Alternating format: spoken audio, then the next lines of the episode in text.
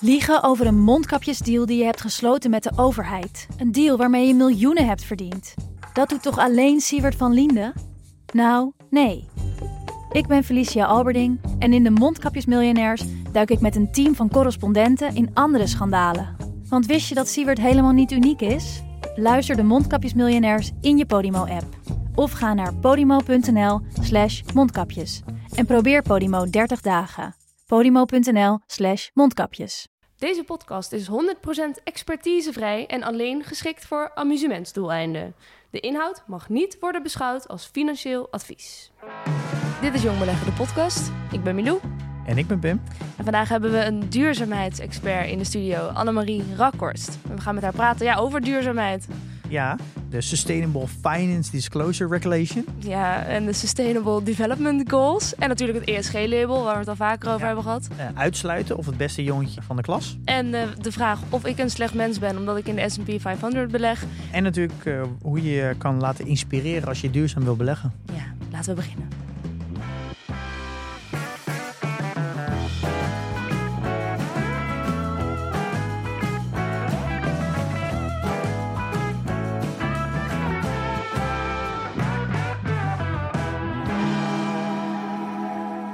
Annemarie Rakhorst, hoe is het eh, gesteld met planeet Aarde? Wat is de diagnose? Of patiënt Aarde, moet ik dat zeggen? Nou, niet zo goed natuurlijk. Dat eh, kunnen we met z'n allen wel eh, zien. En tegelijkertijd zijn we wel in staat om ook heel snel te veranderen. Als we echt snappen wat de problematiek is en echt de bereidheid hebben om dat op te lossen, zijn we ook wel in staat om, om heel veel dingen ook goed op eh, te lossen. En we hebben jarenlang naar een gat in de ozonlaag zitten kijken. Nou, die is bijna dicht. Eh, De rivieren in Nederland waren het afvalputje van Europa. Die zijn best wel eh, schoon. Dus we hebben best wel een trackrecord. Eh, maar we praten te weinig over het trackrecord wat we hebben in het oplossen van problemen. En volgens mij moet je dat ook doen. Om in ieder geval de motivatie en de hoop bij mensen te hebben Ja. dat we problemen kunnen oplossen. Dus er is in ieder geval hoop. En Ik wel, in ieder ja. geval ook bij ons. En we gaan het vandaag ook over een heel hoopvol onderwerp hebben eigenlijk. We hebben het over duurzaamheid. Jij bent de bedenker en oprichter van duurzaamheid.nl. Ja. Je bent zoveel ondernemer. Je hebt een boek geschreven. eh, Geld stuurt wereld, jij bepaalt de koers. Ja.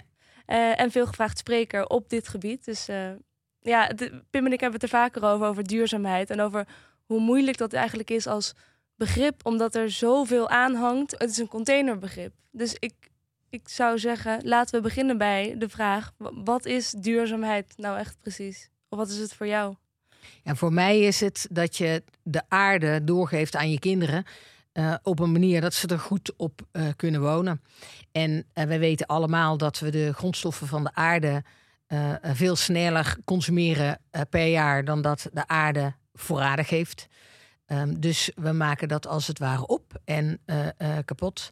Ja. Ehm, en ik snap heel goed de vraag naar een eh, hele simpele scope van duurzaamheid. En tegelijkertijd is die scope natuurlijk heel breed. Want het gaat over mensenrechten. Het gaat over het toenemende verschil tussen arm en rijk.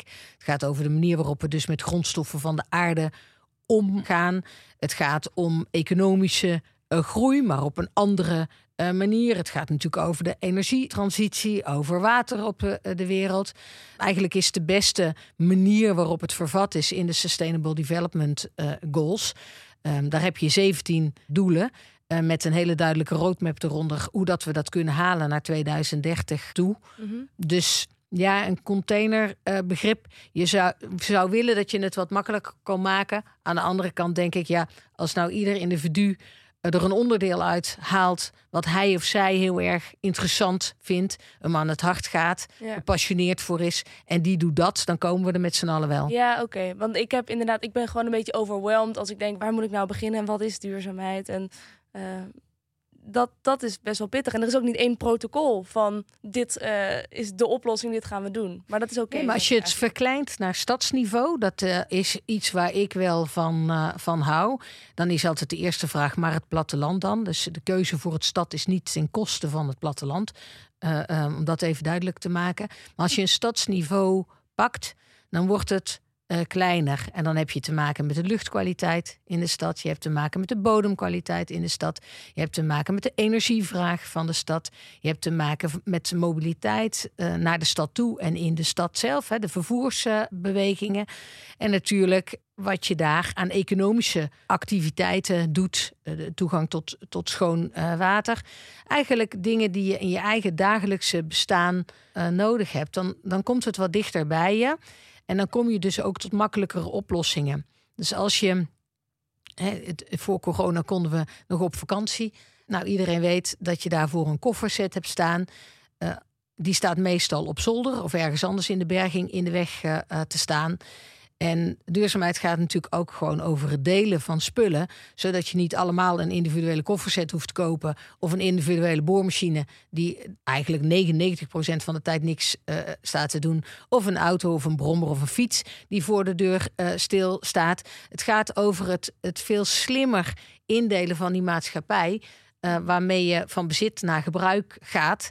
En je dus met dezelfde, met andere mensen dezelfde spullen kunt gebruiken. En dat gaat dus ook over werkplekken en vergaderruimtes. Dus het gaat niet over schaarste. Het gaat over overvloed. Er is heel veel overvloed. En hoe kan je dat nou beter gaan gebruiken met elkaar? Dan staan al die auto's niet op straat in de weg, de openbare ruimte te bezetten, die je op een heel andere manier kunt gebruiken. Ja. En, en al die daken liggen dan niet leeg, waar je ook uh, of waterretentie op kunt laten plaatsvinden, biodiversiteit op kunt uh, neerzetten of energie kunt opwekken. Dus het gaat over het veel slimmer nadenken en indelen van die vierkante meters die je voor jezelf en in het totaal in die stad uh, beschikbaar hebt. En als je dan vanuit de lucht naar Nederland kijkt, dan is Nederland eigenlijk de mooiste stad op aarde. Dus dan zie je dat Nederland een stad is die groene longen heeft, waar een mooie biodiversiteit uh, is, waar uh, dichtbevolkte en veel minder dichtbevolkte uh, gebieden zijn, waar de voedselvoorziening wordt gemaakt in die stad. is eigenlijk ligt dat voorbeeld er al wel. En in een van de boeken die ik heb geschreven, eigenlijk het eerste boek Duurzaam Ontwikkelen en Wereldkans, staat al dat Nederland gewoon de proeftuin van de wereld kan zijn.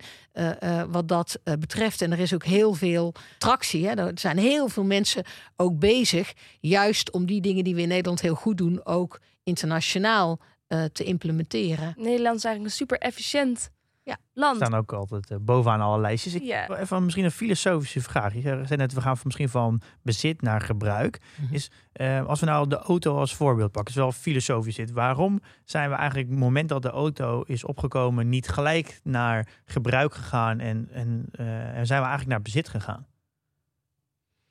Nou, in ieder geval omdat de problemen die er vandaag zijn met auto's er niet waren op dat uh, moment. Dus wat wij vandaag de dag weten, dat je uh, 99% van de tijd die auto stil uh, laat staan. Dat hij in de weg staat op hele schaarse en hele dure vierkante meters. En dat hij verschrikkelijk vervuilend is uh, natuurlijk. Dat soort van problemen uh, waren er op dat moment niet. En ik denk dat het, net zoals een huis, ook wel echt aan de ene kant een statussymbool was. En aan de andere kant geeft natuurlijk zo'n huisje ook wel veiligheid en, en, en privacy ik denk dat veel mensen dat in een auto ook wel uh, uh, zoeken. Dat ze het wel lekker vinden om een tijdje in de file te staan. En ja. even niet in gesprek of, of iets moeten. Ik weet het ja. niet. Even lekker momentje voor jezelf. Dan, dan je eigenlijk dat natuurlijk de mens eigenlijk nu moet gaan veranderen. Nou, niet alleen veranderen, maar ook dus echt moet genoeg gaan nemen met minder. Minder. Ja, dus dat is de vraag, hè? Nou, dat is uh, minder te zijn. Nou ja, minder dus... persoonlijk. Dat je minder vrijheid hebt, minder makkelijk. Oké, okay, ik stap nu in de auto, want je deelt hem misschien met anderen. Weet je, moet je overleggen. Uh, ja, maar dus... tegelijkertijd is er natuurlijk enorm veel technologie gekomen. Alles is smart gewo geworden. Hè. Die eerste internetrevolutie was dat mensen zich gingen connecten aan het internet. En op dit moment is de grote revolutie dat alles wat je maar kan bedenken, een theelepeltje nog niet, maar de rest hangt aan het internet. En daarmee is natuurlijk ook uh, uh, delen van spullen heel veel makkelijker geworden. Dus als je vandaag de Felix-app opent om te kijken waar je de scooter van hier naar een andere locatie uh, wil pakken, dan staat zo'n scooter binnen twee minuten loopafstand. Je weet of die vrij is. Je ontgrendelt hem met een telefoon. Je zet hem voor de deur neer. He, dat, dat, was ondenkbaar. Dus technologie heeft heel veel mogelijk gemaakt voor mensen. We innoveren ons uit het duurzaamheidsprobleem. Zeker, dat is zeker een onderdeel. Nou, ja. is altijd leuk om te horen. Ja. ja. maar we gaan natuurlijk specifiek over beleggen hebben. Ja, ik, ik, ik, je, je okay. kaart er heel veel aan al de Sustainable Development Goals. Ja. Uh, is dat zo belangrijk als het gaat om duurzaamheid? Ja, dus um, je hebt als het gaat over duurzaamheid natuurlijk wereldwijde afspraken uh, nodig. Hè? Dus um, je kan het hebben over allerlei energiebronnen, uh, bijvoorbeeld kernenergie of um, andere vormen van, van energie. En nee, Tata Steel zou je het ook over kunnen hebben. Is heel hip in Nederland uh, deze dagen om het daarover te hebben. In negatieve zin vooral dan? In negatieve zin, ja. En de vraag is natuurlijk, als je het niet binnen je landsgrenzen wil hebben staan, of je het dan wel buiten je landsgrenzen wil hebben staan en daarvan het gebruik ervan in je eigen land wil hebben. Dus het is heel erg belangrijk uh, dat je precies weet wat je met je consumptie doet, met je inkoop en je consumptie uh, uh, doet. Als jij een energievraag hebt, dan moet je ook energie voorhanden hebben. Ja. En je moet weten waar dat, dat vandaan komt. En als jouw beleid je belegging, je strategie alleen maar gericht is op Nederland en je dus eigenlijk alles buiten de grens uh, zet in vervuiling, uh, in voor- en nadelen economisch, ja, dat gaat niet werken. Dus je moet wel op Europees niveau en op wereldwijd niveau goed afspraken maken. En de Sustainable Development Goals zijn afspraken die door eigenlijk alle landen op de wereld zijn getekend. Eigenlijk alle wereldleiders, hè, 193 landen. De, de paus, dat Barack Obama. Ja, ja. Uh, die waren erbij, maar ook, ook Willem-Alexander en uh, Mark Rutte voor ons op dat uh, moment. Dus die Sustainable Development Goals zijn afspraken, een routekaart voor de wereld naar 2030 toe, die door alle wereldleiders is omarmd. Net zoals je natuurlijk de klimaatafspraken hebt van Parijs en, en alle klimaatafspraken hè, die ook nog zullen die zijn komen. Aan gekoppeld ook. Dat, is, uh, dat zijn inhoudelijke, daar is een inhoudelijke koppeling, dat hoort uh, bij elkaar. En de Europese Commissie die heeft ook voor Europa daar dan weer een Europees plan voor gemaakt, een Europees Sustainable Action Plan.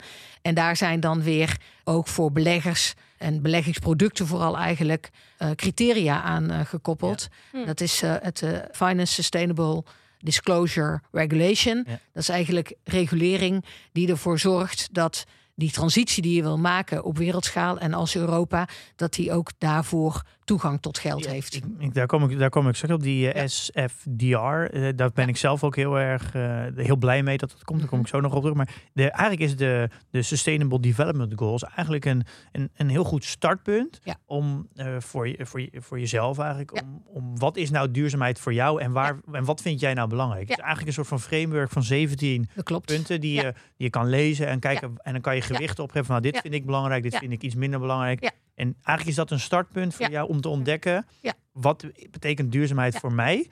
En, als je, en dan later kan je die zelf die vertaalslag of in ieder geval dat meenemen naar beleggen. Zeg ik dat goed? Ja, dat is zeker zo. En de luisteraars kunnen heel veel voordeel hebben van duurzaamheid.nl, want daar staat het allemaal op. Van sdgnederland.nl. En we hebben voor kinderen hier ook een versie uh, gemaakt. Dat is 17 in cijfertjes. Doelen die je deelt.nl. Daar staan dus ook die 17 uh, doelen op. En dan kan je jaarlijks de stand van het land uh, bekijken. En wij weten dat dat heel erg veel door volwassenen wordt gelezen, omdat dan de informatie gewoon toegankelijker Simpel is gemaakt. Ja. En het wordt gebruikt op scholen en door kinderen ja. zelf. Ja, want het is soms best wel ingewikkeld met al die, met die termen. Maar laten we even een paar doelen dan ook noemen. Even ja, bijvoorbeeld dus geen armoede is een van de goals. Geen honger, goede gezondheid, welzijn, kwaliteitsonderwijs, gendergelijkheid, ongelijkheid verminderen. Zijn er dan, welke punten heb jij specifiek iets mee? Weet je dat? Nou, eigenlijk alle 17, want de, het gaat hier om de integraliteit.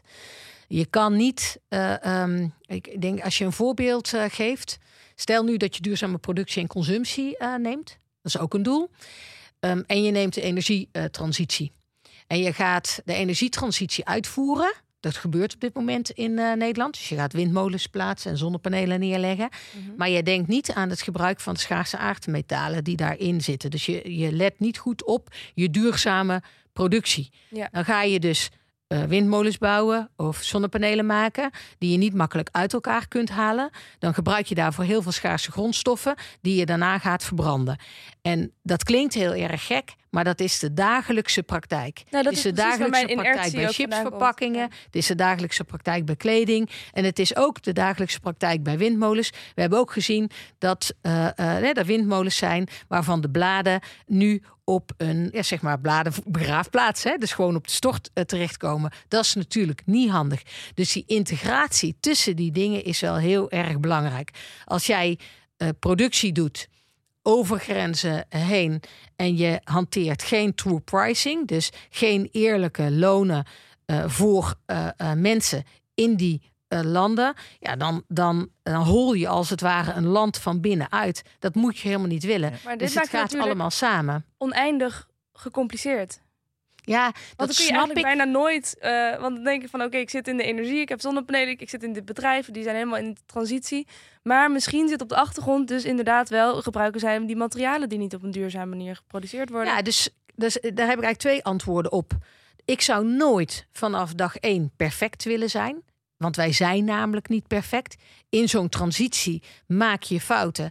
En met die nadere inzichten en die je fouten maakt, corrigeer je en ga je het beter uh, doen. Dus perfectie verlampt. Dan ga je überhaupt nooit die transitie in.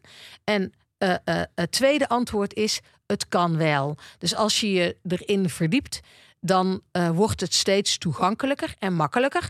En wat wij in de praktijk zien is als een bedrijf kiest voor een van die Sustainable Development Goals of voor drie van de Sustainable Development Goals, dat ze dat leert om ook veertien van die Sustainable Development Goals te omarmen. Dus het is echt geen vrees hebben. Maak gewoon die stap. Begin gewoon. Want het gaat erom dat we het doen. En als je iedereen afstraft op fouten, want dat is wat ik in de financiële sector eigenlijk het meest heb geobserveerd Leidinggevend gaat het om voorbeeldgedrag. Dus de financiële sector is heel erg risicoavers.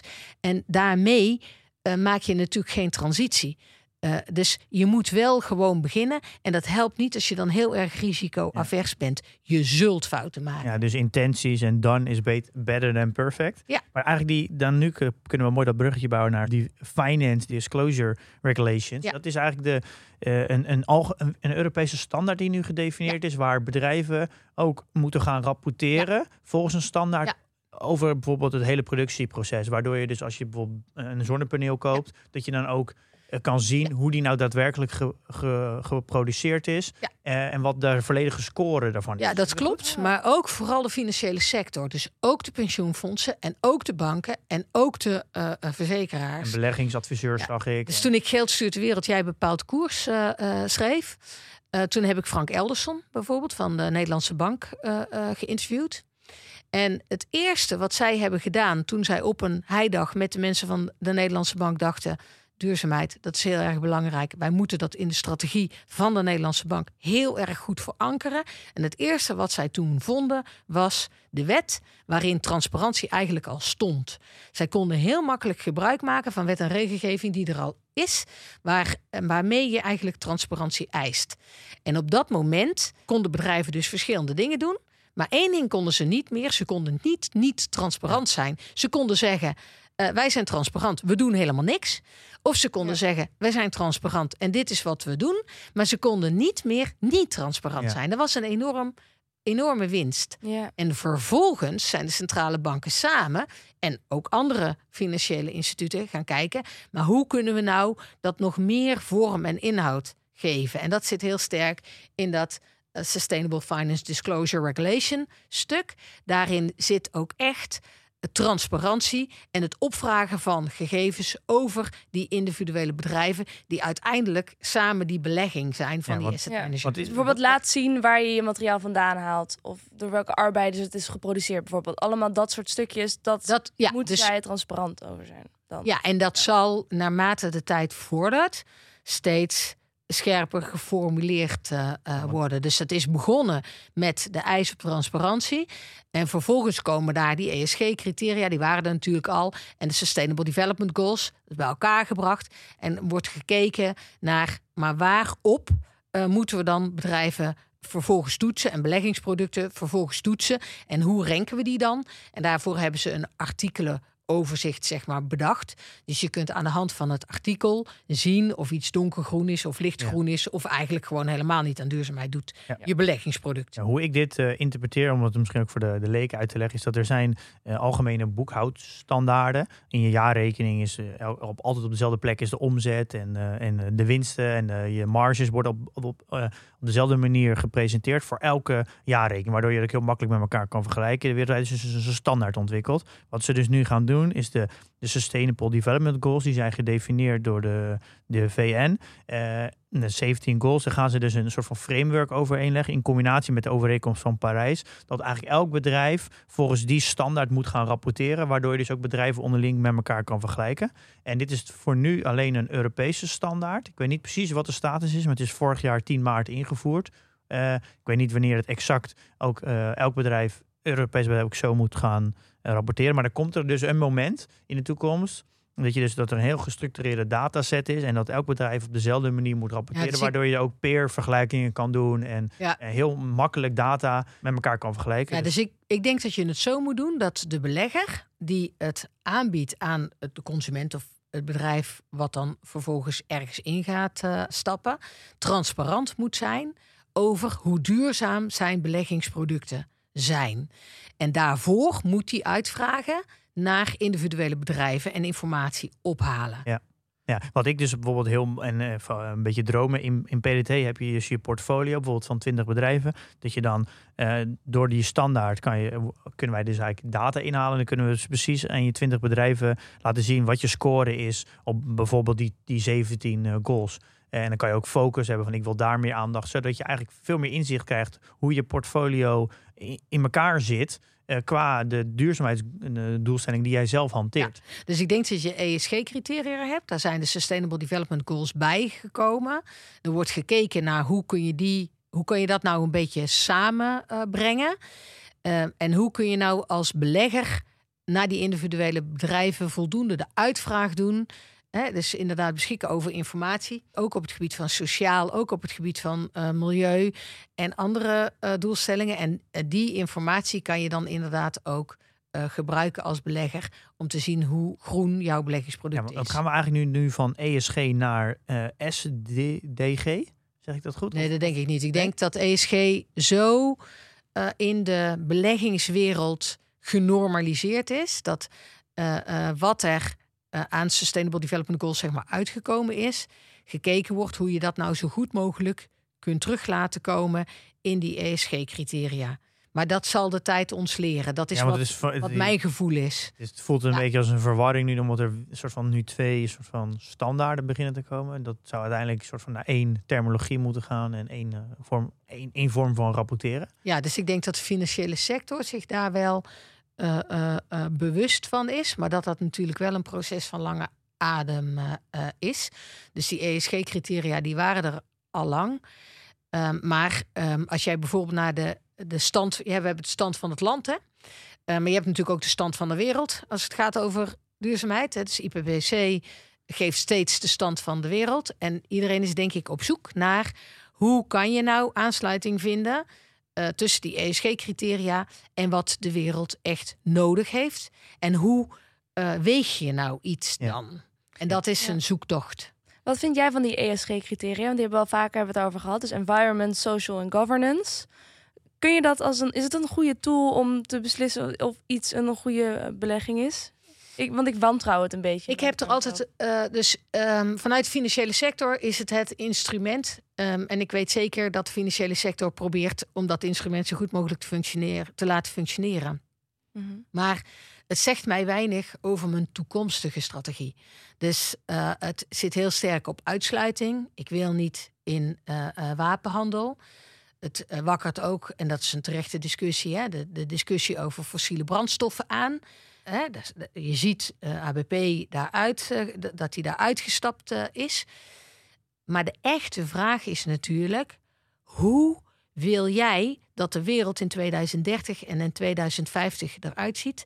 En wat heb je daarvoor nodig? En daar kom je niet met het uitsluiten van diensten en producten. Dan moet je een heel goed beeld hebben over wat die wereld nodig heeft uh, in 2030, 2050. En hoe jij wil dat die wereld eruit ziet. Dan krijg je hele andere discussies. Dus uitsluitdiscussies zijn toch uh, uh, um, nog de simpele discussies, hoe moeilijk ze ook zijn. Ja. En het gaat eigenlijk om wat is nou de strategie voor Nederland? Wat is de strategie voor Europa? Wat is de strategie uh, voor de wereld? En hoe willen we dat dat vormgegeven is? En dat is de Sustainable Development Goals. die gaat echt uit over die routekaart en die wereld die we willen zien in 2030, 2050. Maar als we nu even wat concreter maken. Je geeft nu al uitsluiting. Dat is natuurlijk een, een vorm van van uh, bezig zijn met duurzaam beleggen. Dus misschien Zeker. volgens jou misschien niet de beste manier, maar... Nou, ik zeg dat hij iets over het verleden zegt en dat hij niks over de toekomst zegt. Ja, maar het is in ieder geval een manier door te zeggen, ik, ik ga... Je hebt een, eh, nou, een wereldwijde index en ik ga, dan, je neemt die. Of je, de volgende stap is, ik ga uitsluiten. Nou, je kan bijvoorbeeld uh, alcohol, gokken, tabak, militaire wapens, kan je allemaal uitsluiten. Ja, dus die, die wat je, een wereldwijde index is bijvoorbeeld die, die de Dow Jones Index voor sustainability, hè? Daar kan je een trekker op maken. En dan zeg je, ja, maar dat is alleen maar best in klas. Hè? Dus dan blijven we doen wat we al aan het doen zijn. Maar dat is alweer een volgende stap. Je hebt eerst uitsluiting. En, dan, en, dan, ja. dus, en daarna heb je de, de, de best in class uh, strategie. Mm, daar denk ik anders over.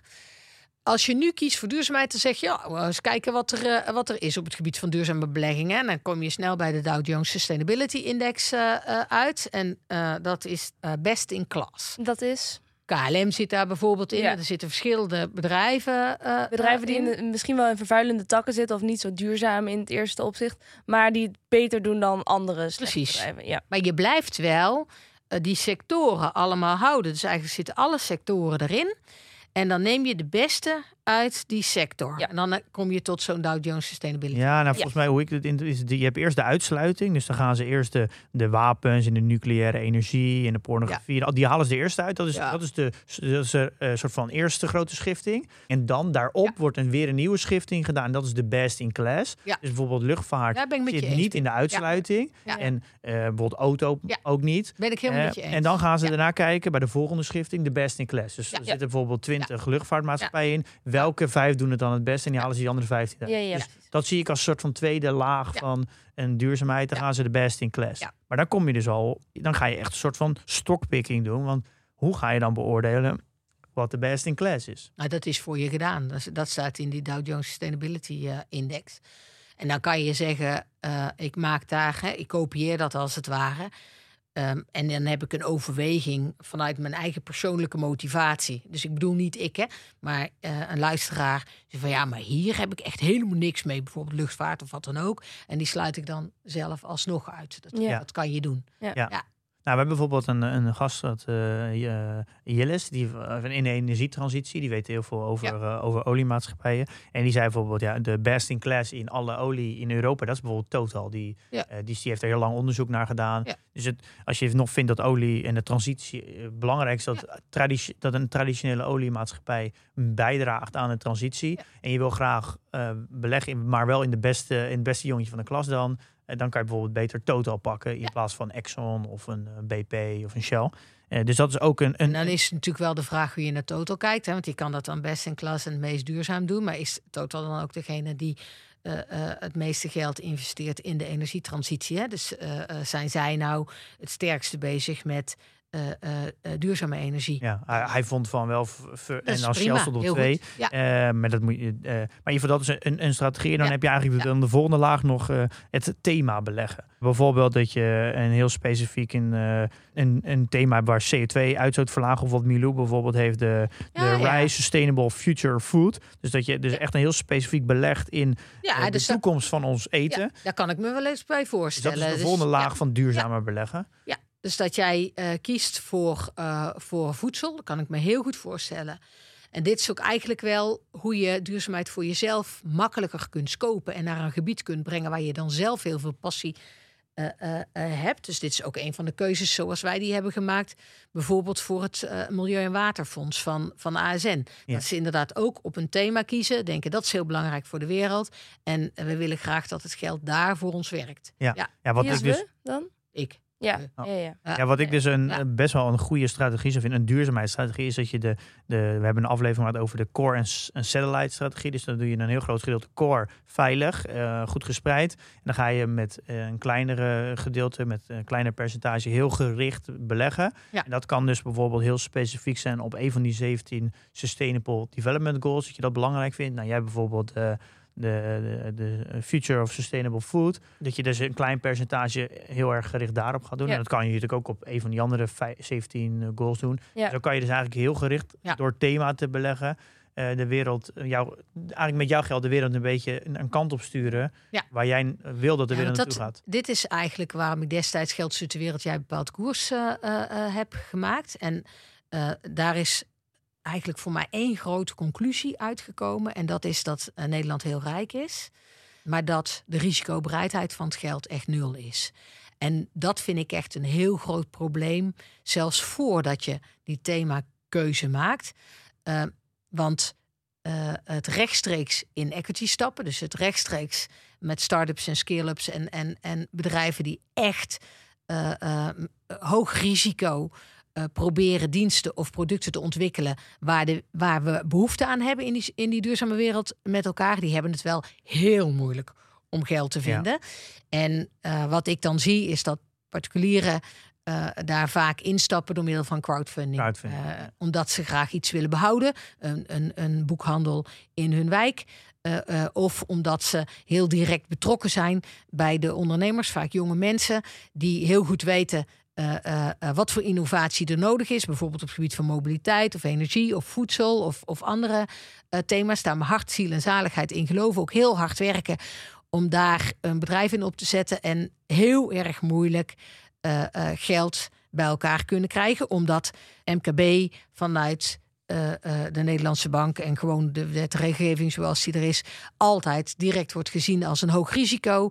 Iedereen een risicotoeslagen opzetten, uh, banken en überhaupt heel moeilijk toegang hebben tot geld. Dus als je echt gelooft in uh, uh, die transitie die doorgemaakt moet worden en het feit dat ondernemers daar een groot verschil in uh, maken, dan is het ook heel fijn als je risicospreiding aanbrengt en dus ook een stuk van je geld op hoog risico durft te zetten. Dus rechtstreeks in aandelen van bedrijven dicht om je heen en ondernemers die echt het verschil gaan maken. En daar heeft Amerika een veel beter klimaat dan Europa. Ja, en dan dus... hebben we het over de, over de overheid, hè? Of ook over gewoon een particuliere. Particuliere. Dus echt, uh, voor mij was een van de, van de andere dingen die ik echt leerde tijdens het maken van het boek uh, van Marjan Sachs. Dat uh, de afstand tussen mensen en hun geld verkleind moet worden. Dus dat er echt heel veel mensen zijn die zo'n afstand hebben tot geld. Geen idee hebben wat ze daar mee moeten doen. En het effect daarvan is dat het uh, op de bank komt te staan met de negatieve rente. Uh, dat levert niks uh, meer op. En het kost zelfs geld als je niet oplost. Terwijl de wereld in brand staat en we wel verandering willen zien. Ja. en dan helpt die strategie niet. Wij doen, wij doen hard ons best met de podcast. Ja, dat is heel goed. Ja, en, maar dat heb ik wel, want ik voel me dan meteen toch, toch schuldig dat ik dan eigenlijk ook niet heel erg bereid ben om veel risico te nemen. Want ik zit met mijn grootste deel van mijn portefeuille gewoon in de S&P 500. Is, maakt dit mij nu een slecht mens? is eigenlijk mijn vraag. Nee, helemaal niet. Dat is, dat is denk ik waar het uh, breder maatschappelijk gezien fout zou uh, kunnen gaan. wij weten denk ik met elkaar best wel in de afgelopen jaren wat onze risico's zijn als het gaat over klimaatverandering en wat de risico's zijn voor andere landen. En we beginnen steeds beter te begrijpen met elkaar wat we moeten doen om dat risico te keren. En dat betekent ook dat we het geld voor ons moeten laten uh, werken. En daarvoor moeten we elkaar de hand reiken. En de kennis die we hebben uitwisselen. Eigenlijk precies wat jij hier vandaag zit te doen. Dus je bent een uitermate goed uh, mens. En het is alleen wel fijn dat je een deel van het geld wat je belegt ook echt gaat stoppen in een stuk waar jouw hart ligt, wat duurzaam is, waar je steeds meer kennis ontwikkelt en waar je ook andere mensen in mee kan nemen. Dat is eigenlijk de enige uh, vraag. Hm, ben gerustgesteld. Ja, ik denk, maar ik wil dan wel zeggen dat we hebben het net over impact beleg gehad en wel via crowdfunding. Dat is natuurlijk wel een, er zit wel een hoger risico aan. Heel hoog risico. En, en het is niet liquide. Ja. Dus dat, doe dat dan als, als je dat doet, alsjeblieft met een heel klein percentage. Ah, en niet met geleend geld. maar wel heel belangrijk om, ja. om dat te blijven. Maar zie wel dat die ondernemers, dat zijn lefmeisjes en lefgozertjes die alles wat zij hebben in zo'n organisatie stoppen, inclusief het geld van hun moeder en hun schoonmoeder, want dan wordt er wel uh, uh, in gestapt. En dat dat zijn wel hele bewonderingswaardige acties. Tegelijkertijd is het heel hoog risico geld. Dat klopt helemaal. Je geeft eigenlijk wel, dat is misschien meer een, ook een culturele dilemma hier, vind ik, in überhaupt Nederland en Europa. Zodat ondernemerschap hier uh, over het algemeen niet echt uh, gewaardeerd wordt, vergeleken met Amerika. Ja, en dat de toegang tot geld heel ja, moeilijk is. een is. Beetje, en dat remt je innovatie. Ja. Heel hard. Dat vind ik sowieso. Een, Dit is ook de reden waarom alle grote innovaties in techbedrijven natuurlijk uit Amerika komen. Omdat Precies. je hier een klein beetje beter, beter doet dan anderen, dan word je gelijk, word je gelijk neergemaaid.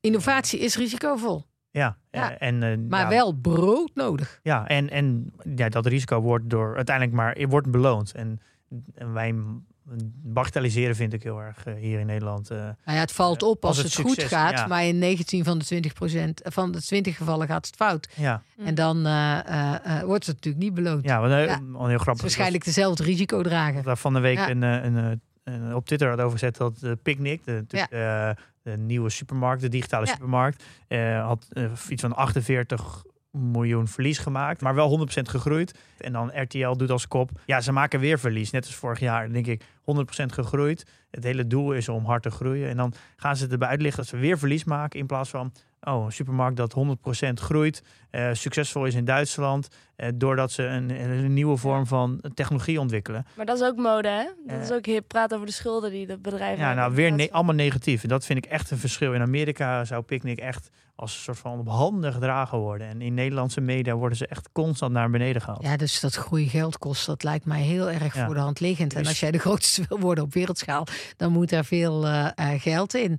En het is geen familiebedrijf. Maar ja, dat, ja dat is, dat is natuurlijk een andere organisatie. persoonlijke Als je dat niet snapt, dan zegt dat wat meer over degene die het zegt dan uh, degene die het doet, toch?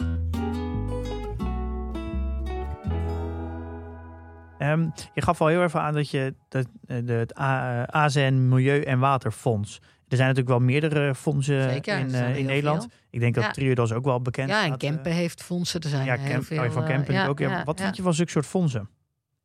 Nou, dat is toch heel goed. Ja, wat, dus ik, het, bij het uh, Milieu- en Waterfonds van de ASN, uh, daar ken ik Hubert Aarts. Dat is degene die voor ASN, of die eigenlijk dat, dat fonds uh, managt. En ik heb toen echt heel veel mensen gesproken en congressen afgelopen.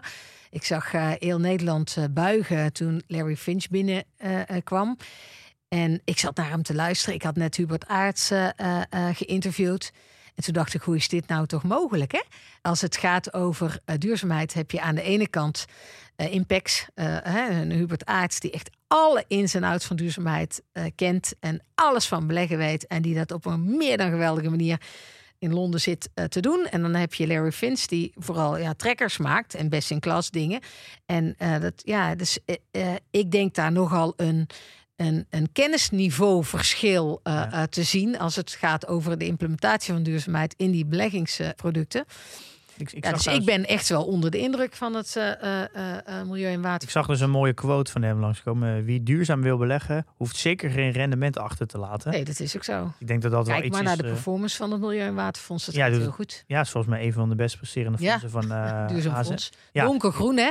Ja. als je kijkt naar die indeling van uh, ik, ik heb, ja, ik heb op de website even ja. van de drie, drie bekende fondsen in Nederland die heel erg duurzaam zijn, even de, de top 10. Want je kan namelijk de fact sheet kan je bekijken. Ja. En dan uh, heb ik uit, uit alle drie de fact sheet even de top 10 gehaald. En mm -hmm. wat ik een heel groot, nog steeds een heel groot nadeel vind van al die duurzame fondsen, dat ze heel erg duur zijn. Je bent vaak bijvoorbeeld bij ASNR al 1,8% aan kosten kwijt per jaar. Ja, dat, dat ja, vind ik echt heel veel. Helemaal als je dat over uh, 30 jaar gaat kijken. Als ik met mijn huidige portefeuille uh, 30 jaar lang uh, hierin zou beleggen, dan kost het me ongeveer 9 ton aan kosten. Dat vind ik echt heel veel geld. Dus je, je kan je ook laten inspireren door, door zo'n fonds. Door bijvoorbeeld zo'n factie te kijken. Door te lezen hoe ze Ze schrijven ook analyses over welke bedrijven ze in ze beleggen. Dus dat kan voor een individuele belegger ook interessant zijn om, om daar wat meer inspiratie uit te halen. Zeker. Als je niet, niet die hoge kosten wil betalen. 9 ton. Ja, ik had hem even, ja, even, even uitgerekend dat met mijn portefeuille ik heb hem opgeschreven ergens. Had ik hem nou, eh, weet je waar ik hem had neergezet? Nee, want ik, ik heb hem al. Ja, ik heb deel van die kosten worden natuurlijk ook verklaard door de wet en regelgeving van de individuele landen. Hè. Dus als je in hetzelfde fonds stapt via een ander land, is het vaak al goedkoper. Dus het is, ik, ben het 100% eens met jou uh, betoog dat je je heel goed kunt laten inspireren en informeren door de informatie daarover en dan zelf dingen kan doen. Uh, het is nog wel interessant. Hè? Ik vind het ook heel erg veel geld, uh, 900.000 euro. Het is ook wel interessant om te kijken hoe zo'n bedrag wordt veroorzaakt. Ja, ik heb daar wel naar gekeken. Ja, ja. Zijn, maar het zijn 9 van 10 keer beheerkosten die heel duur zijn. Niet de fondskosten zijn heel laag. Dus dat zijn die kosten die jij omschrijft. Maar het beheerkosten, dat komt gewoon die mensen die dit fonds beheren, die, dat zijn waarschijnlijk veel mensen, die moeten betaald worden, die hebben een auto, die, ja. uh, die hebben een kantoorpand. Ja, en staan onder uh, toezicht, hè? dus moeten voldoen aan allerlei wet en regelgeving. En de, de dus volumes zijn te laag, dat is het uiteindelijk het probleem. Is dat uh, hoe meer geld er in zo'n fonds omgaat, hoe lager het percentage kan worden. En als je een heel specifiek Nederlands fonds hebt, dan heb je gewoon niet, niet de toegang tot wereldkapitaal. En daardoor zijn de, de wereldwijze fondsen van een Vanguard en een ICR veel goedkoper, omdat die natuurlijk een, veel, een, veel meer geld in het fonds zit. Mm. Uh, maar ik had even uitgerekend. Ik heb nu een portefeuille, nou zeg, wat is het, 270.000 euro. Als ik dat 30 jaar lang zou beleggen, met 8, gewoon 8% rendement, dan kom ik op 2,9 miljoen uit. Haal ik daar even 1% kosten vanaf, dan heb ik, hou ik 2,2 over. Dus dat is al 7 ton minder. Doe ik even 2% per jaar dan hou ik maar 1,3 miljoen over. Dus dat is een, een verlies van 1,6 miljoen op 2 procent. Uh, en dit is natuurlijk wat mensen dus niet goed... nou, degene die de podcast wel goed snappen. Dit is het compounding effect van kosten. En daarom vind ik zulke soort fondsen met bijvoorbeeld uh, eh, 1,6 van de Rebeco Sustainable Water Equity en uh, eh, 1,8 voor AZN. En dan hebben we nog de Triodos Bank die zelfs met 2,35. Ja, ja, vind ik als je gewoon gaat kijken over een hele lange termijn, uh, ja, heel erg duur. dus, uh, dus, mijn advies zou zijn, uh, ga je, laat je vooral inspireren door zulke soort fondsen. Kijk waar zij in beleggen, waarom ze in beleggen. Ik vond wel dat, je, dat ze bij ASN echt heel goed ook laten zien en delen waarom ze in bepaalde bedrijven beleggen. Heel analyses doen. Ja, het is hmm. natuurlijk gewoon een bedrijf wat van origine heel duurzaam handelt. Ja. Maar dat is het. Dit is, dit is eigenlijk wel, vind ik, vind ik wel heel jammer dat, dat duurzaamheid uh, zo'n hoge prijs heeft. Nou, ik zou even naar de andere ja. fondsen kijken. Het is niet zo dat de vies van duurzaamheidsfondsen uh, de, de fees van andere fondsen zijn ook duur. Hè? Dus het, dus, uh... Nou ja, niet als je het afzet tegen de, bijvoorbeeld een wereldwijde Vanguard fonds ja. met 0,07. Ja. Uh, dat is nogal andere koek. maar dit is wel een. Ik, dit, dit, kost natuurlijk tijd. Maar dit vind ik wel een. Hm. Ja, beleggen is belangrijk. Duurzaam beleggen is belangrijk, maar rendement ook. En risico natuurlijk ook. Dus je, het is het eigenlijk een mix die je moet gaan afwegen. Ehm, maar je kan er wel uh, van leren, vind ik, van zulke soort fondsen. Uh, kijk, oh, het maar dat je gewoon de kunst kan afkijken. Kijken wat zij doen. En, ja, en hoe zij denken. En uh, ja, ik heb, je zit er best wel... Ik denk dat zij daar nog heel positief over denken. Want dat betekent dat zij een enorme positieve footprint hebben. En dan inspireren ze mensen om zelf te gaan beleggen... meer naar hun strategie en filosofie. Nou, we hadden het natuurlijk al ja, even ja. Ik zou dus eigenlijk het heel mooi vinden dat HZN met het, met het water, uh, Milieu- en Waterfonds alles opengooit. Ze volledig transparant zijn in welke posities ze hebben, hoe grote posities hebben. Dat ze alle analyses openzetten. En eigenlijk een beetje wat Katie Woods doet met uh, de ARC Innovation Fund in, uh, in Amerika. Uh, als het gaat om innovaties. Want dan ben je echt impact aan het maken. Want dan ik zou zeggen, heel, bel ze is en vraag ze. Dan zullen misschien heel veel mensen ja, inderdaad niet het fonds beleggen... waardoor zij geen geld mee verdienen. Mhm. Maar wel je een hefboom-effect kan hebben... dat mensen die je analyses gaan gebruiken als particuliere belegger om eh, zelf in individuele bedrijven te beleggen die duurzaam zijn. Dus dan heb je toch je, je impact. Um, Was het ook helemaal in de deeleconomie? Hè? Ja, en dat, dat vind ik nog wel jammer. Dat, de, dat uh, de, ik snap ook wel dat je je verdienmodel wil beschermen. Want als je alles opengooit, gaan er misschien meer mensen in, minder mensen in het fonds zitten. Maar ik kreeg daar dus best wel vaak mailtjes over. Dat mensen zeggen, ja, ik wil graag in Triodos of ASN-fonds zitten. Maar ik vind het echt te duur. Uh, kan ik niet gewoon kijken welke posities ze hebben en dat ik daar wat uit kan cherrypicken. En hoeveel van die mensen hebben rechtstreeks Triodos of ASN aangeschreven om te vragen om die informatie te delen? Oeh, dat, ja, dat durf ik niet te zeggen. nou ja, ik probeer het een keer, zou ik zeggen. Ja, ja. ja, maar je kan wel altijd dat top 10 zien. Dus dat is sowieso interessant. Want als, je, als je ze een beetje naast elkaar legt, dan zie je wel uh, dezelfde bedrijven vaak terugkomen. Uh, dus daar kan je ook uh, je inspiratie uithalen. En er zijn ook nog wel een aantal ETF's die zijn... Ja, dan kom je toch al snel weer bij best in class of uitsluiting. Maar dat is toch een... Of de, bijvoorbeeld de Dow Jones die je zelf aangaf, de, de Sustainability Index... Uh, heb je, dat is meer geautomatiseerd. Maar daardoor heb je wel veel meer goedkopere kosten. En ben je toch uh, iets duurzamer aan het beleggen dan er niks mee doen. Nee, dat ben ik helemaal Dus dan, uh, ja. misschien heb je dan de, beetje de, beide, de, de ja. mooie kanten van beide werelden. Ja.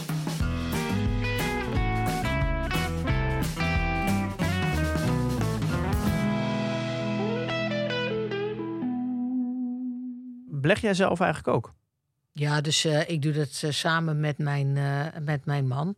Dus het is nou niet zo dat ik heel actief achter de computer zit. Maar ik heb natuurlijk wel een heel duidelijke mening over individuele bedrijven. Want wat, wat zijn in de toekomst de winnaars volgens jou? Ja, dus ik ben een groot fan en ook altijd geweest van, van DSM. Omdat ik met name de koers van, van Fijke Siebesma en zijn intrinsieke motivatie voor duurzaamheid echt indrukwekkend uh, vind mm -hmm. en uh, vond. Ik zit daar ook in met de Rise Sustainable Future of Food. Die zit ook ja. deels in DSM. Ja. ja. En ook Signify heeft natuurlijk ook een prachtige positie vanuit Nederland op de wereld. Dat is eigenlijk Philips Lightning. Van, oh ja. Zie je heel veel terugkomen in al die fondsen. Vroeger, ja. ja. Prachtige organisatie. Je kan ook naar uh, vastgoed kijken. Ik heb niet specifiek uh, de belegging in mijn hoofd zitten. Maar mm -hmm. als je weet dat die verduurzamingsopgave binnen de, bes de, bestaande bebouwde omgeving echt heel erg hoog is en heel erg groot is, is het heel slim om de echte koplopers vanuit Nederland en Europa te volgen. Uh, die juist met vastgoed het verschil maken op het gebied van uh, uh, duurzaamheid. Ja, want huisbouw dat kost natuurlijk ontzettend veel energie. Al het beton, het staal wat erin ja. moet. ja. ja, je ziet dat daar ligt een enorme last, ook in de infrastructuur overigens. Het is meer in de infrastructurele sector, dat de projecten worden gemaakt die een enorme lock-in van CO2 hebben. En een enorme lock-out van mensen dus dat, dat mensen op projecten eh, wereldwijd dus, uh, gewoon misbruikt worden. Mm -hmm. Als je dat, uh, dus, dus uitgesloten worden. Dus als je goed kijkt naar hoe dat grote baggeraars in Nederland in vergelijking met, met andere uh, spelers op de wereld zich uh, gedragen. Dat is ook heel veel duurzamer. Ja. Dus, maar infrastructuur is iets waar iedereen in gaat investeren op het moment hè, dat er werkgelegenheid geboden moet worden in bedrijven en dat er economisch uh, stabiliteit gecreëerd moet worden. Ja, dan weet je ook zeker dat daarin geïnvesteerd gaat worden. En als je dan daarin in dat soort sectoren best in klas gaat zitten, is natuurlijk ook heel goed. Ja. ja. Wat vind je bijvoorbeeld, dat, uh, waar ik net over zag, bijvoorbeeld de, de, de, Mark van Balen bij Follow This. Ja. Wat vind je van zulke soort initiatieven? Dat is ja, van uh, Shell, de Shell. actieve ja. aandeelhouder. Ja. Ja. ja, dat is natuurlijk een heel goed initiatief om te laten zien dat actief aandeelhouderschap binnen bedrijven helpt om die strategie te beïnvloeden. Of in ieder geval, dat probeert hij. Vraag is natuurlijk wel hoeveel aandelen je daar dan voor nodig hebt om echt zeggenschap te hebben. APP die zegt ik stap uit fossiel. Ja. Dus ik wil, hè, daar wil ik gewoon niks meer mee te maken hebben. Ik ga mijn, van wat hij doet. En dat is het omgekeerde van wat hij doet. Ja, je kan ook niet op elk bedrijf uh, een bordje hangen. Wij zijn gesloten wegens verduurzaming. Tegen de tijd dat we er zijn, dan zullen we, het u, be zullen we u bellen. Ja. Dus uh, hè, je, je probeert vanuit de bestaande bedrijven en, en je, je kracht en macht die je daar als aandeelhouder hebt, invloed uh, te hebben. En die, die invloed wordt steeds meer in de loop der uh, jaren. Zeker hè, in de manier waarop Mark van Baal dat uh, doet. Uh, en aan de andere kant kun je eruit stappen. Ja, voor allebei is iets te zeggen. Ja, Ik vind dat dilemma denken. Ja. Dus aan de ene kant join them. Wat Mark van Baal. hij laat wel zien dat hij met een relatief klein stemrecht, voor mij heeft hij maar een heel klein percentage, wel iets van 40% van de mensen van de stemmen mee heeft gekregen. Dus hij laat wel zien dat je, dat je als je een goed verhaal hebt en het lang consistent volhoudt, dat je dus uh, met minder stemrecht wel meer mensen kan inspireren en meekrijgen. Zeker. Tegelijkertijd moet je daar wel heel realistisch in zijn. Het is niet zo dat de rest van die aandeelhouders zat, zat te slapen. Dus die waren ook al wel bezig met duurzaamheid. Niet allemaal. Uh, maar die hebben natuurlijk ook gewoon uh, actief hun aandeelhouderschap naar duurzaamheid gebruikt. hij centraliseert misschien. Zeker. En het verhaal naar buiten brengen doet hij hartstikke goed. Ja. Ja. En um, misschien ook al als laatste, dat vind ik wel interessant. We, we hebben beleggen natuurlijk heel snel vanuit, of duurzaam beleggen heel snel vanuit een misschien meer ideologisch beeld. Maar je kan duurzaam beleggen ook vanuit een risicoperspectief bekijken. Want moet je altijd doen. Hoe groot is het risico voor bedrijven? Risico. Hoe groot is het voor bedrijven als je überhaupt als je niet verduurzamen? Heel groot.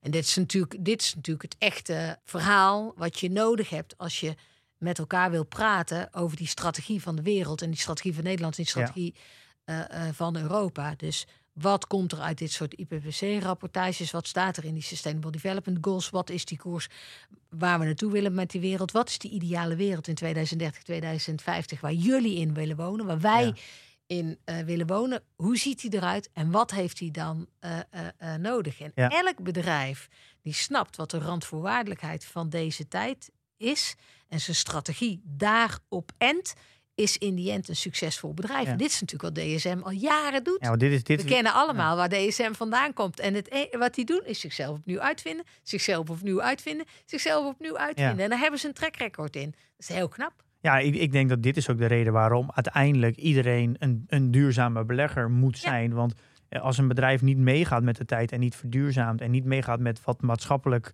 uh, verantwoord is, dan verlies je je bestaansrecht over een punt. En je kan je eigenlijk ook wel zeggen dat een, een echt duurzaam bedrijf is een bedrijf dat zich constant kan aanpassen en veranderen naarmate uh, dat ook gevraagd wordt uh, binnen de samenleving en binnen de technologische mogelijkheden. Wat dit wat DSM doet. Bedrijf is niks anders dan een dwarsdoorsnede van de samenleving en een license to operate. Ja, wat, zij, wat het is. DSM kan dus eigenlijk uh, een, altijd uh, alle mensen een salaris bieden, uh, een goed pensioen bieden, omdat ze constant blijven veranderen. En ik vind dat eigenlijk vanuit een duurzaamheidsgedachte iets wat voor altijd kan blijven, is eigenlijk in, in, in, de, in de basis natuurlijk duurzaam. En een hele veilige belegging dus. En ook lonender dan, eh, dan andere bedrijven. Ja, en als je stil blijft staan, we kennen allemaal de voorbeelden, misschien een free record shop of zo, dan krijg je de innovatie rechtsom en linksom. Hè? Dus dan, en dan heb je jonge uh, bedrijven die heel disruptief zijn, die dat natuurlijk, ja, dat is natuurlijk kaasje als jij wil innoveren. Als, als in een sector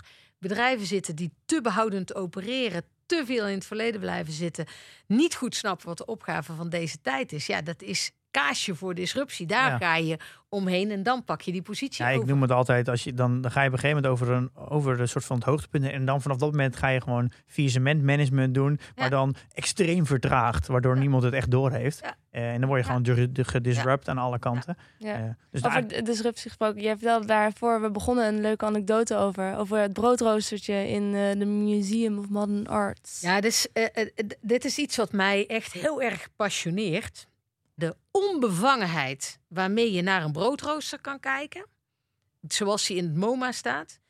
Dus ik gebruik een broodrooster elke dag. En wat zit daar nou eigenlijk aan materialen in en hoe functioneert dat dan? En uh, deze jonge man, een kunstenaar, die is in het MoMA exposeerd, die sloopt het broodrooster uit elkaar en die probeert eigenlijk aan de hand van grondstoffen die hij zelf op de wereld kan vinden, een eigen broodrooster te maken. Er komt een fabriek uit en dat is een broodrooster. Dat is zo mooi. Die, die kracht die jonge mensen hebben. Bij Fairphone is dat eigenlijk precies hetzelfde gegaan. Ik heb een telefoon. Weet ik wat voor materialen daarin zitten? Weet ik waar die wordt geproduceerd? Nee, dat weet ik niet. Nou, dan sloop ik die telefoon uit elkaar en dan probeer ik helemaal terug te gaan naar de aard van waar die grondstoffen vandaan komen en wie aan die telefoon aan het werk zijn. Dus wat wordt er in open mijnbouw gewonnen? Waar wordt dat gewonnen? Wie zet die telefoon uh, uh, in elkaar? Op welke uh, plaatsen van de wereld gebeurt dat? En dan komen ze er eigenlijk achter dat China de productieplant van de wereld is. En dat als jij een telefoon maakt, dat je niet om China heen kan. Ja. VPRO tegenlicht, prachtige documentaire over gemaakt. En dat is eigenlijk wat jullie ook met deze podcast proberen te doen. Ik sloop het bestaan, want ik wil gewoon zien hoe dat het in elkaar zit. Ik wil snappen uh, wat er gebeurt, wie dat er in de knop, aan de knoppen zit, wie welke beslissing uh, neemt, wat voor materialen erin zit. Dat is wat je precies nodig hebt op het gebied van duurzaamheid. Het is dat je die vervreemding van geld oplost, dat je die vervreemding van producten oplost, dat jij in een stoel zit een telefoon gebruikt, een microfoon uh, uh, gebruikt, een tafel uh, hebt. En dat je gewoon weet wie die heeft gemaakt, wat dat daarin zit. En dat je niet omgeven bent door allerlei toxische stoffen en verkeerde arbeid. Met die spijkerbroek die jij draagt. Hè. CNA haalt zijn productieproces terug naar Duitsland, hè? terug naar Europa. Kleding, allemaal natuurlijk in Verwegistan gemaakt. En CNA, Brennick Meijers, natuurlijk van oudsher, die gaan dan eens zitten kijken en die denken: wij willen dit niet meer. Wij willen geen grote ketens waar we niet weten wie eraan werkt, hoeveel vervuiling erachter blijft. Wij willen gewoon weer grip op die keten hebben. We willen die keten verkorten, we willen die keten dichterbij halen en we willen dat mensen schuldvrij een spijkerbroek kunnen consumeren. En dat, dat, dat is die nieuwsgierigheid van die kunstenaar die dat broodrooster heeft gemaakt in het, in het MoMA, wat we eigenlijk allemaal naar ons moeten halen. Dat is wat we nodig hebben. En dan komen we terug in een wereld die we zelf maken, die we zelf snappen ook, waar het geld voor ons werkt, omdat we snappen waar dat het naartoe gaat, in plaats van dat het ver weg op vaak internationale uh, beurzen terechtkomt, waarvan niemand meer weet waar het geld, wat het geld doet. Dat is een ja, hele mooie metafoor. Een soort van deglobalisering. Ik denk dat we dat sowieso steeds meer gaan zien hoor. Uh, hebben we natuurlijk vorige aflevering met Helene Je kunt wel globale markten hebben. Je kunt wereldwijde markten hebben. Maar dan moet je weten wat er gebeurt. Ja, ja dan heb je... En het hoeft niet altijd. Ja. Nog even, uh, ik zit nu gelijk naar de website aan. 17 doelen die je deelt.nl. Ik ga ook de website even in de show notes zetten. Ik vind wel heel leuk. Het is een soort van wegwijzer die je kan doen om over de, door de 17 doelen heen te gaan. Uh, ga ik zeker uh, na de uitzending gelijk even proberen. Heel, het ziet er heel leuk uit. Ja, um, ga ik ook doen. Past ook wel mooi in het uh, plan dat jij nog je core en satellite strategie verder gaat uitwerken. Misschien kan je uh, je eigen duurzaamheidsdoelen ja. ook erin verwerken. Dit komt precies op het goede moment voor mij inderdaad. Ja. Pim, wil je nog even delen hoe het met je portfolio gaat? Ja, dat is misschien nu wel even leuk om, om even te zeggen. Want we hoeven niet elke week te delen. Ik heb geen transacties gedaan, maar de beurzen zijn goed naar beneden gegaan. Mm. Uh, ik ook. Ik ben volgens mij vanuit mijn all-time high aan, aan winsten. Uh, volgens mij iets van 25, 30.000 euro uh, is er afgegaan. Ehm, dus ik sta echt op een vrij laag punt als je het vergelijkt met het afgelopen half jaar. Op 267. En ik merk echt dat, hm. dat nu vooral alle technologie uh, aandelen, of al de aandelen waar de winsten in de toekomst zitten, echt flink worden geraakt door de, de rentestijging die eraan zit te komen, waar we het met Helene even over hebben gehad. Uh, met de 0,25% basispunten de komende, de komende jaar voor mij drie keer wordt verhoogd. en natuurlijk de toenemende inflatie, dat die toch niet echt tijdelijk blijkt te zijn. En dat het nu toch wel echt definitief lijkt te zijn.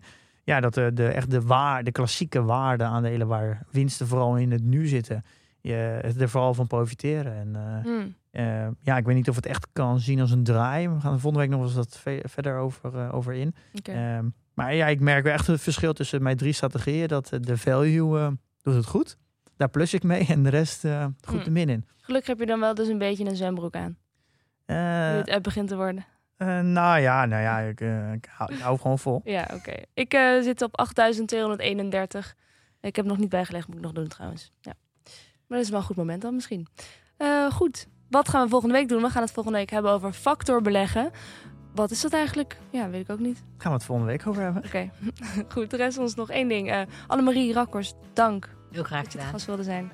Um, en ja, jongens, dan in de tussentijd investeer in je kennis en beleg met beleid.